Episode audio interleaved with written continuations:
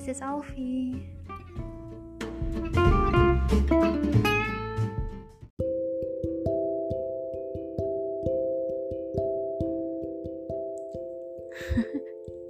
At some point, you need to accept that some people will stop choosing you because they need to choose themselves. Some will stop talking to you because they need rest and pause from the siren world. Some will say no to you because they are saving their ears for another. Some will leave no matter how much you make them stay because they know that they deserve someone better. Some will break your heart because they need to get out from a toxic relationship. And the hardest is, you have in order to grow strong, you don't only need love, you also need pain.